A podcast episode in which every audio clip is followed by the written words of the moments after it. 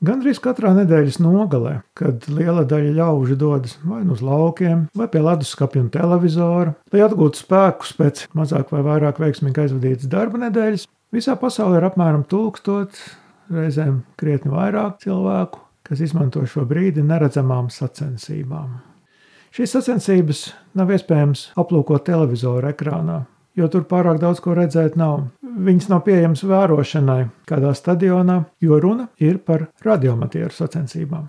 Katru nedēļas nogali notiek lielāki vai mazāki mači, un brīžiem pavisam zelīti, kuru ilgums ir 48 stundas, un kas gandrīz vai tā kā neoficiālās pasaules meistarsacīgs pasaules čempionāts. Šajās sacensībās, protams, amatieru radioviļņu diapazoni nepārspīlējot vārās. Izklausās tas apmēram šādi.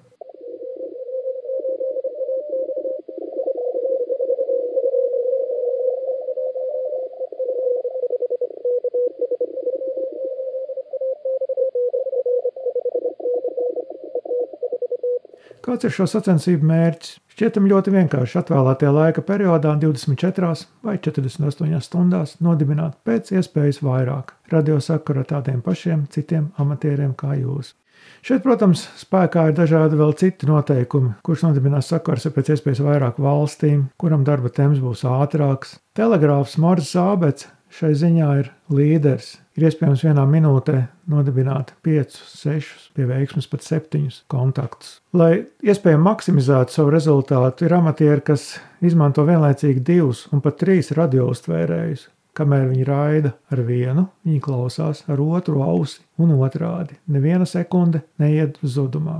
Lai apmēram būtu priekšstats, cik tas īstenībā ir grūti, pamēģiniet nosēdēt krēslā 3, 4, 5 stundas. Tas apmēram brīdis, kad gribās piecelties un izstaipīties. Bet pēc 24 vai 48 stundām ir tiešām nepieciešamas dažas dienas, kamēr jūs jūtat normāli atkal savu muguru un savas rokas. Un personīgi es varu godīgi atzīties, ka es neesmu vairs spējīgs šos garos periodus izturēt krāslā nedēļu nogalē pie rādio. Protams, jaunības gados šī aizrautība ir daudz lielāka, motivācija ir nesalīdzināmi karstāka, gribās uzvarēt, gribās būt pirmajam. Un šajā ritmā, kurā jūs pamazām ieiet, radās kolosāls adrenalīns, kas jūs uztur nomodā, kurš ļauj pārdzīvot šīs garās stundas. Un faktiski tikai tad, kad jūs izslēdzat radio svētdienas vēlā vakarā, jūs saprotat, kāds ir nogurums, kad ausīs džingst, un nezinu, vai pirmdien ir sevišķi vēlēšanās doties uz darbu.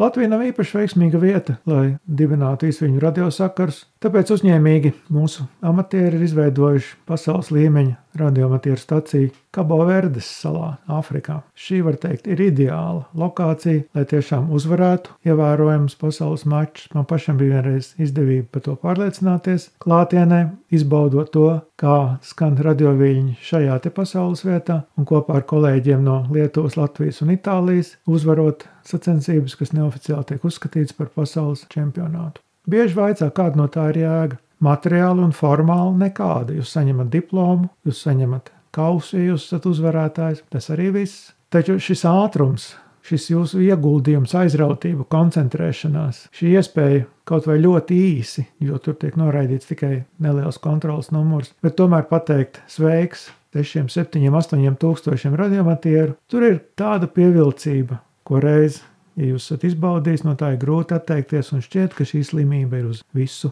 atlikušo mūžu.